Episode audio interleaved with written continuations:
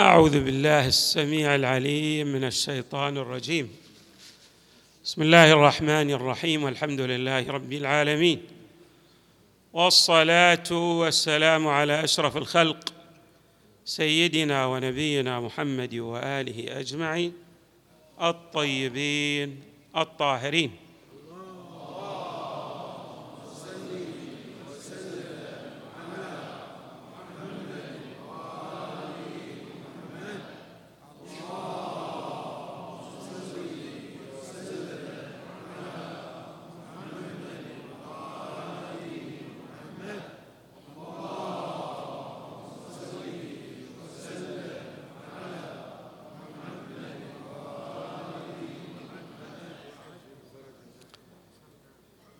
قال الله تبارك وتعالى في القرآن الكريم وما خلقت الجن والإنس إلا ليعبدون ما أريد منهم من رزق وما أريد أن يطعمون إن الله هو الرزاق ذو القوة المتين. صدق الله العلي العظيم.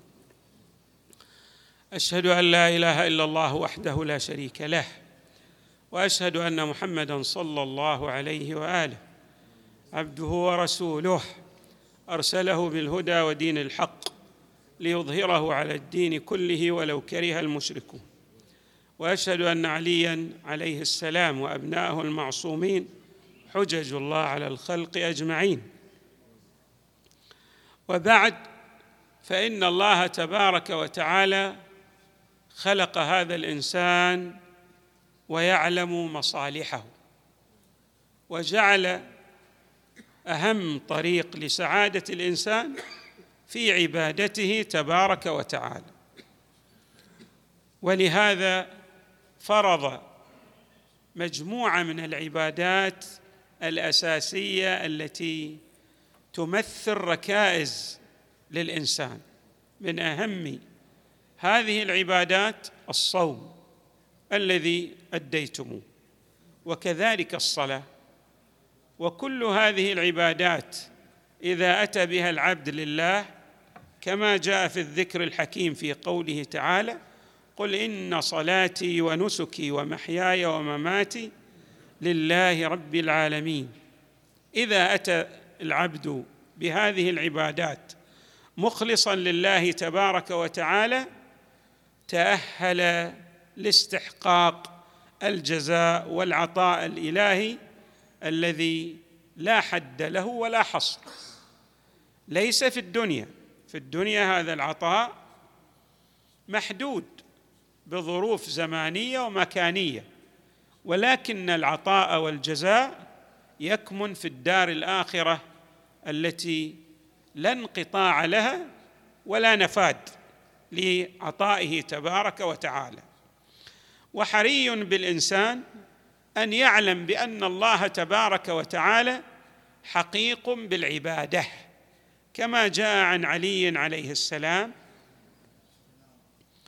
إن قوما عبدوا الله رغبة فتلك عبادة التجار وإن قوما عبدوا الله رهبة فتلك عبادة العبيد وإن قوما عبدوا الله شكرا لأنه أهل للعبادة فتلك عبادة أحرار.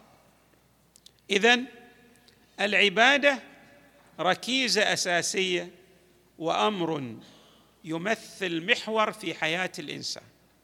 وإذا عبد الإنسان الله تبارك وتعالى استطاع أن يصل إلى أعلى المراتب. ولهذا أيضا جاء عن علي عليه السلام من قام بشرائط العبودية استحق أو تأهل أو كان أهلا للعتق من النار. وما أحوجنا أن نعتق أنفسنا من غضب الله وسخطه.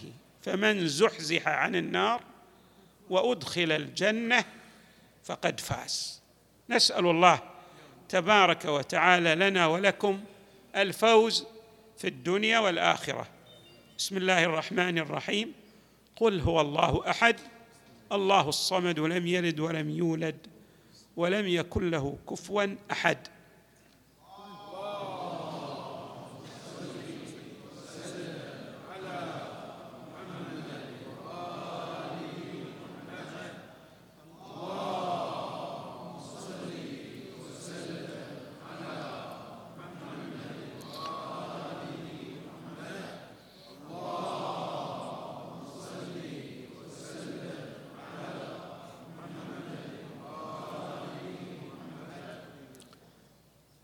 الحمد لله رب العالمين وصلى الله وسلم وزاد وبارك على أشرف أنبيائه وسيد رسله محمد وآله البررة الميامين.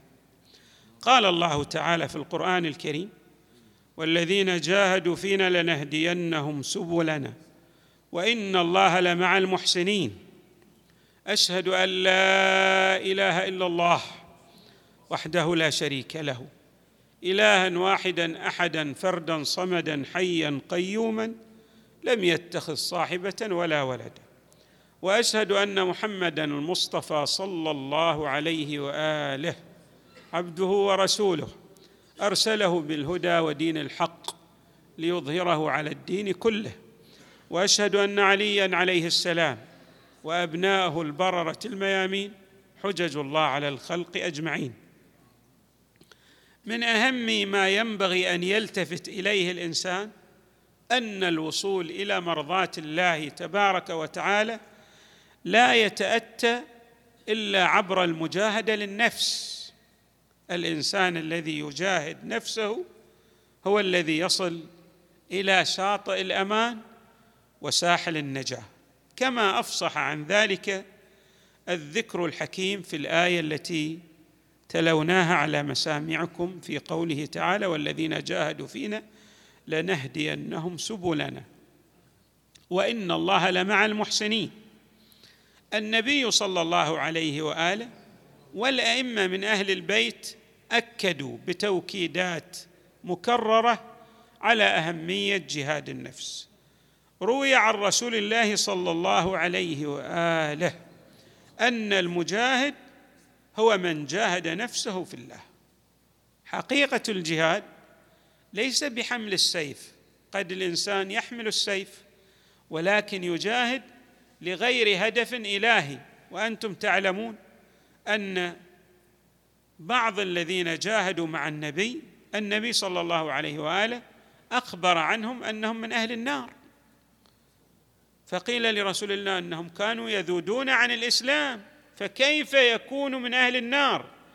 قال إنما خرجوا طلبا للغنيمة وكان بعضهم خرج من أجل الحصول على حمار. انتبهوا.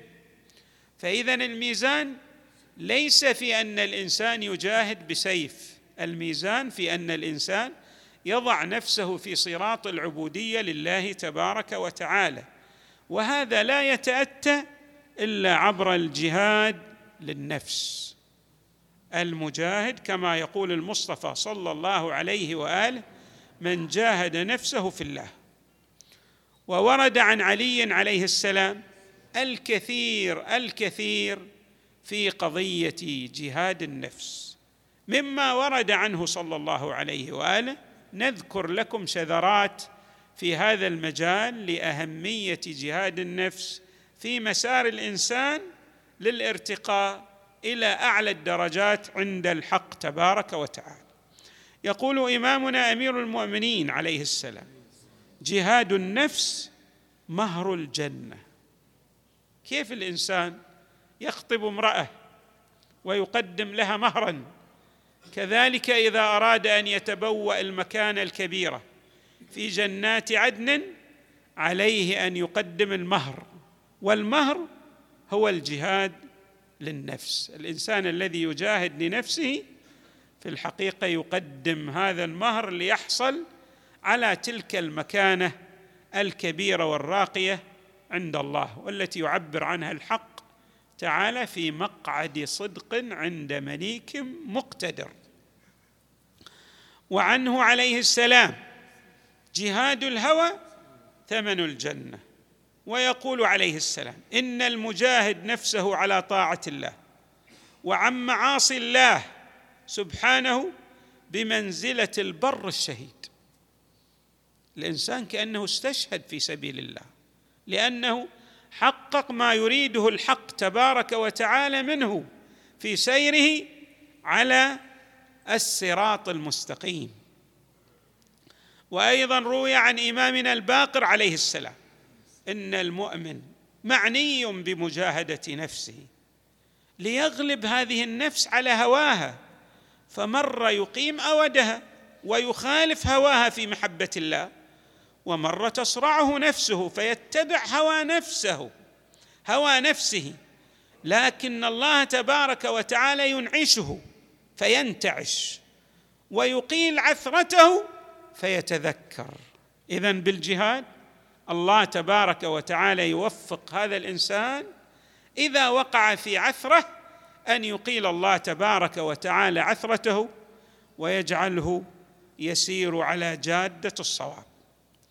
وروي عن رسول الله صلى الله عليه وآله أفضل الجهاد من جاهد هو جهاد الإنسان لنفسه التي بين جنبيه. ويقول علي عليه السلام اعلموا أن الجهاد الأكبر جهاد النفس. فاشتغلوا بجهاد أنفسكم. تسعدوا. من أراد السعادة والوصول إلى المراتب العالية عليه أن يتجنب الكذب. عليه أن يسير على وفق الأحكام الإلهية. أن يبر والديه. أن لا يزني. أن لا يشرب الخمر. أن لا يفعل إلا ما يريده الله تبارك وتعالى منه. عندئذ يؤهل نفسه لنيل مرضاه الله تبارك وتعالى. وروي عن علي عليه السلام أن الإنسان عليه أن يجاهد نفسه مجاهدة العدو لعدوه وأن يغالبها مغالبة الضد لضده فإن أقوى الناس من قوي على نفسه. وعنه, وعنه عليه السلام جاهد شهوتك وغالب غضبك وخالف سوء عاداتك. تزكو نفسك ويكمل عقلك وتستكمل ثواب ربك. يعني إذا سرت على هذا المنهج تصل إلى ما تبتغيه. ويقول عليه السلام ردع النفس وجهاد النفس عن أهويتها يرفع الدرجات ويضاعف الحسنات. ويقول أيضا كمال الصلاح هو في مجاهدة النفس. ويقول أيضا ذروة الغايات لا ينالها إلا ذو التهذيب والمجاهدات. الذروة يعني الأعلى. أعلى المراتب لن يصل إليها أحد إلا بجهاد النفس. ويقول أيضا من جاهد نفسه أكمل التقى. إذا أردت أن تصبح تقيا مخلصا لله تبارك وتعالى فالطريق الأمثل في مغالبتك لنفسك في جهادك لنفسك. نسأل الله تبارك وتعالى أن يجعلنا وإياكم من السائرين على الهدي الإلهي المتبعين لصراط أهل البيت وأن يختم لنا بالحسنى والحمد لله رب العالمين. بسم الله الرحمن الرحيم. قل هو الله أحد. الله الصمد لم يلد ولم يولد ولم يكن له كفوا أحد.